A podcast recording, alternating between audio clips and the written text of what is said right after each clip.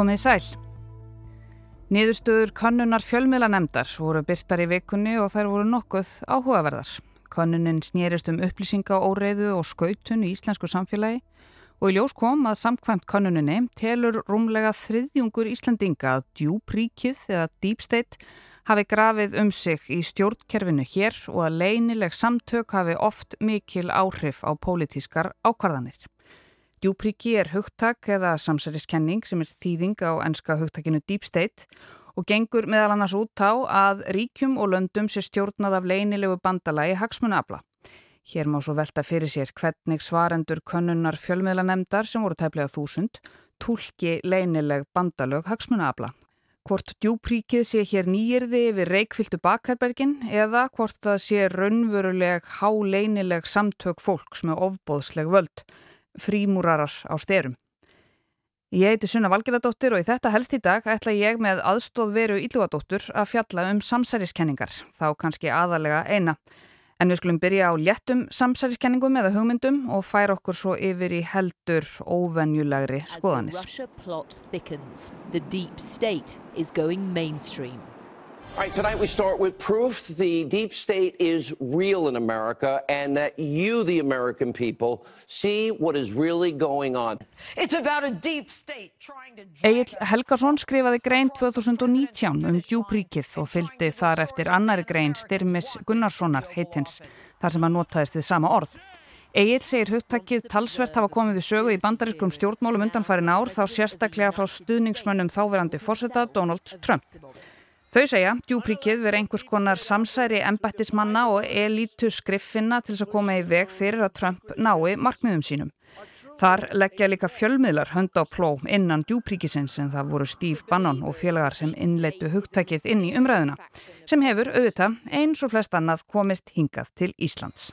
Unelected deep state operatives who defy the voters to push their own secret agendas Egil skrifar. En svo er líka til aðeins annar skilningur á orðinu. Það er samheiti yfir alls konar hópa, stjórnmálamenn, embættismannakerfið, fjármólavaldið, yðjuhölda, leini, þjónustur og herin. Einhvers konar leini félag, misjaflega meðvitað. Kanski líkar því að vera vefur. En það er ekki sem Donald Trump á við. For believers, the deep state is a mysterious faction of opposition bureaucrats. In Trump's case, a shadowy cabal of Obama supporters entrenched in government, intent Þetta slæst á milli þess að vera hugtak sem er oft nótæft í pólitískri greiningu þó með talsverðri vinnu við skilgreiningar og yfir í það að vera upprópun samsæriskenningasmiða. Upphálega mun orðið vera komið frá Tyrklandi þar sem það lísti því hvernig herin stjórnaði í raun landinu og bakvið tjöldin.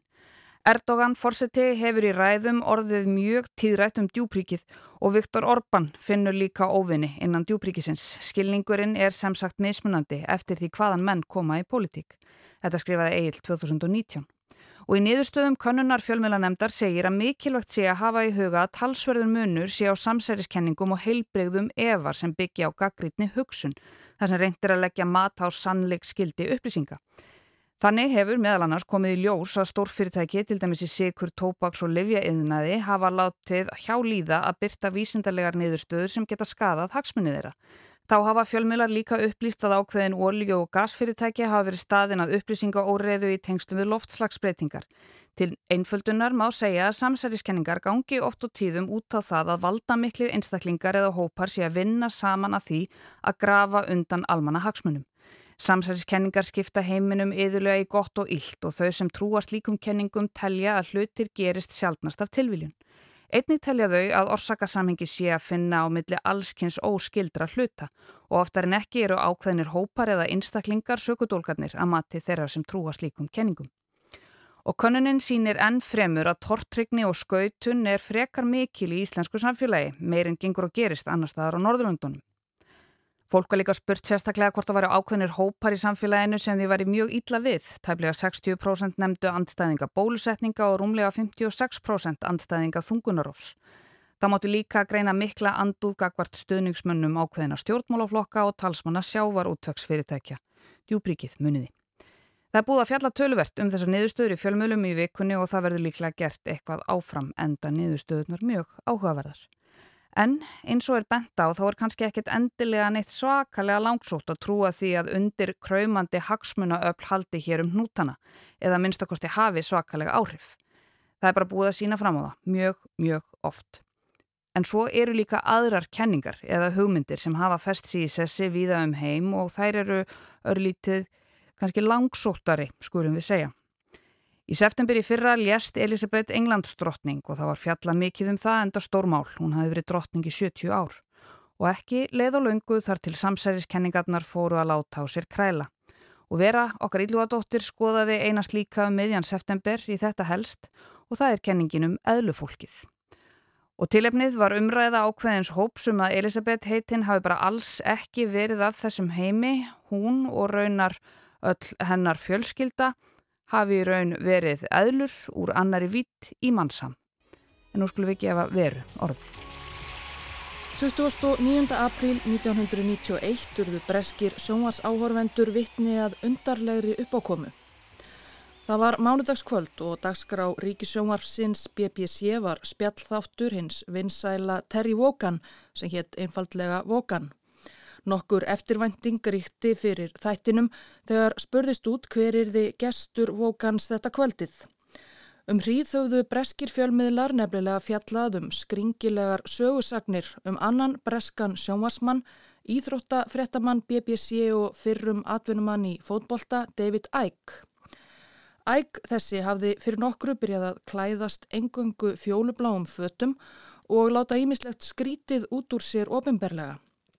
Í mars 1991 hafði hann haldið bladamannafund þar sem hann lísti því yfir að hann væri svonur Guðs og spáði miklum hamförum á næsta leiti, stórflóðum og jarðskjáltum og fellibiljum áður en heimurinn myndi svo loks líða undir lok árið 1997.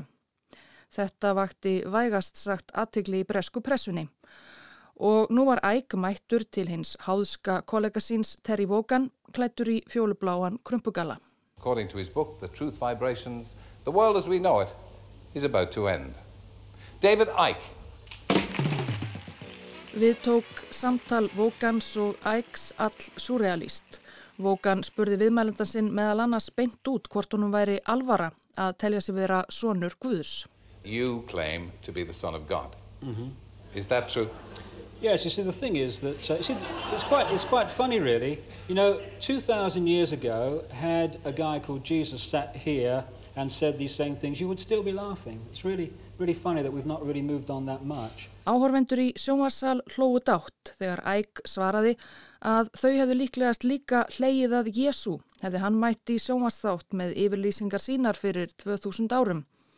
Síðan fór Æg yfir kenningar sínar um yfirvofandi heimsendi og hörmungar Það var mikið hleyið á meðan viðtalinu stóð.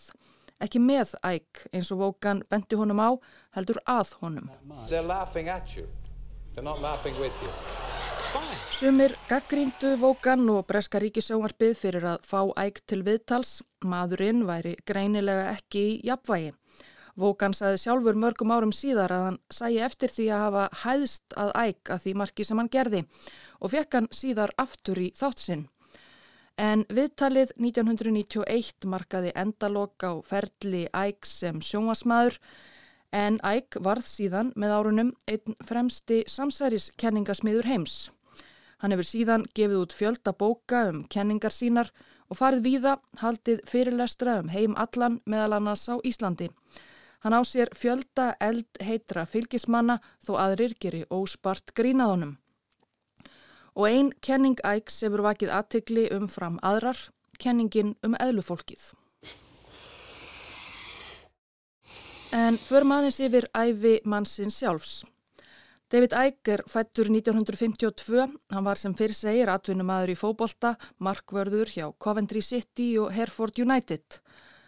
Liðagikt batt enda á fótboltaferilinn Snemma. Æg fór þá að vinna á fjölmiðlum og gekk til liðs við BBC sem íþróttafréttamaður og þáttastjórnandi 1981. Leit Ægs að lækningu við liðagiktinni varð einnig til þess að hann fór að kynna sér óheðbundnar lækningaaðferðir og ímis nýjaldar fræði út frá því. Æk varð einnig umhugaðum umhverjusmál, hann gekk til liðs við stjórnmálaflokk Græningja 89 og náði þar skjótum framgangi sem einn helsti talsmaður flokksins. Það var um svipaleiti, samkvæmt frásögn Æks sjálfs, að hann byrjaði að finna fyrir einhvers konar nærveru í kringum sig þegar hann var einn með sjálfum sér. Æk leitaði þá til miðils sem tjáði honum skilabóðað handan. Æk hefði verið sendur til jarðarinnar til að bjarga heiminum frá miklum og yfirvofandi hörmungum. Þetta var það sem Æk sagði á bladamannafundinum í mars 91 og var fyrir vikið vikið úr græningjafloknum en hlaut bóð í þátt Terry Vogans. Spá ægsum heimsenda árið 1997 gekk ekki eftir en hann hefur ekki látið það aftra sér frá því að setja fram fleiri kenningar og spádóma. Bækur ægsum Ímismál skipta tugum, hann gefur þær út sjálfur, er ekki í náðinni hjá hefbundnum bókaforlugum en bækurnar hafa selst í bílförmum Hann getur pretikað um hugðarefni sín bókstaflega tímunum saman. David Icke held þannig 12 klukkustunda fyrirlestur í hörpu í mars 2017. Svo hljóðaði kynning fyrirlestur sinns.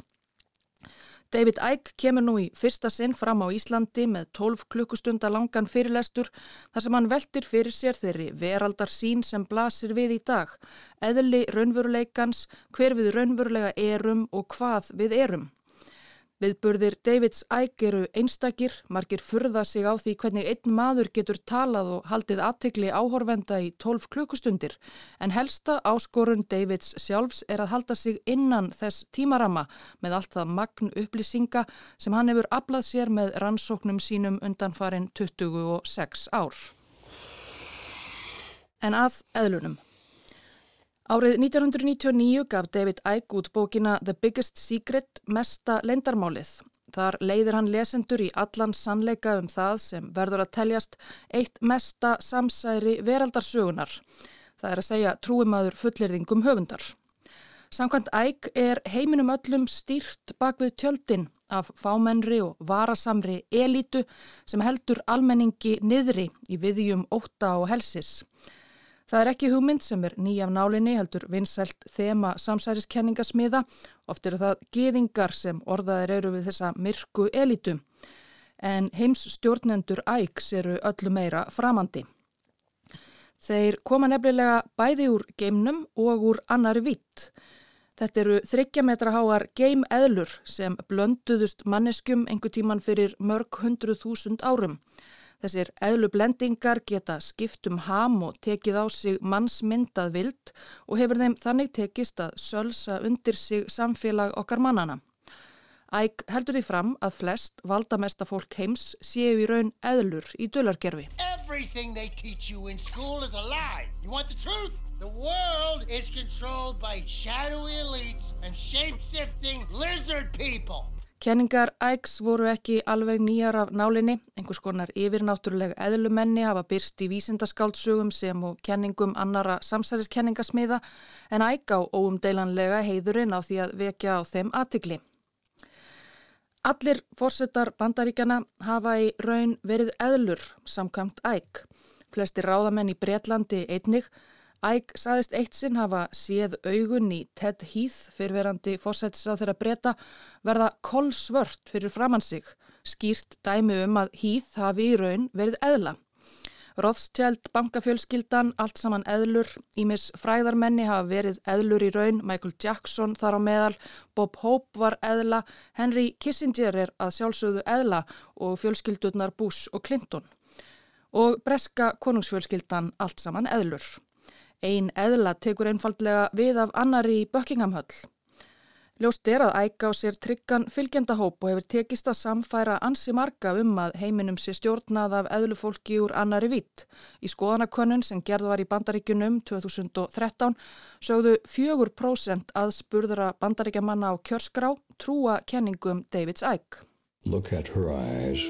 They are not natural, they are 100% reptilian. Them.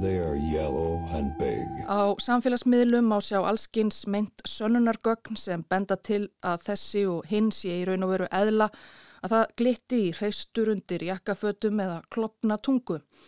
og þeir sem trúa hika ekki við að krefja meintar eðlur um svör. Til dæmis var Mark Zuckerberg stopnandi Facebook spurður út í það á streymisfundi með notendum síðunar 2016 hvort hann væri eðla. Hann neytaði því. Mark, are the allegations true that you are secretly a lizard? Um, I'm gonna, I'm gonna have to go with no on that. Uh, I, I, am, I am not a lizard. Akkurat það sem eðla myndi einmitt segja, hugsuðu líklega einhverjir. Ég heiti Sunna Valgerðardóttir og hugmyndir um djúpríkið og eðlufólkið hennar veru voru helst í dag. Takk fyrir að leggja vel hlustir og við heyrumst fljótt aftur.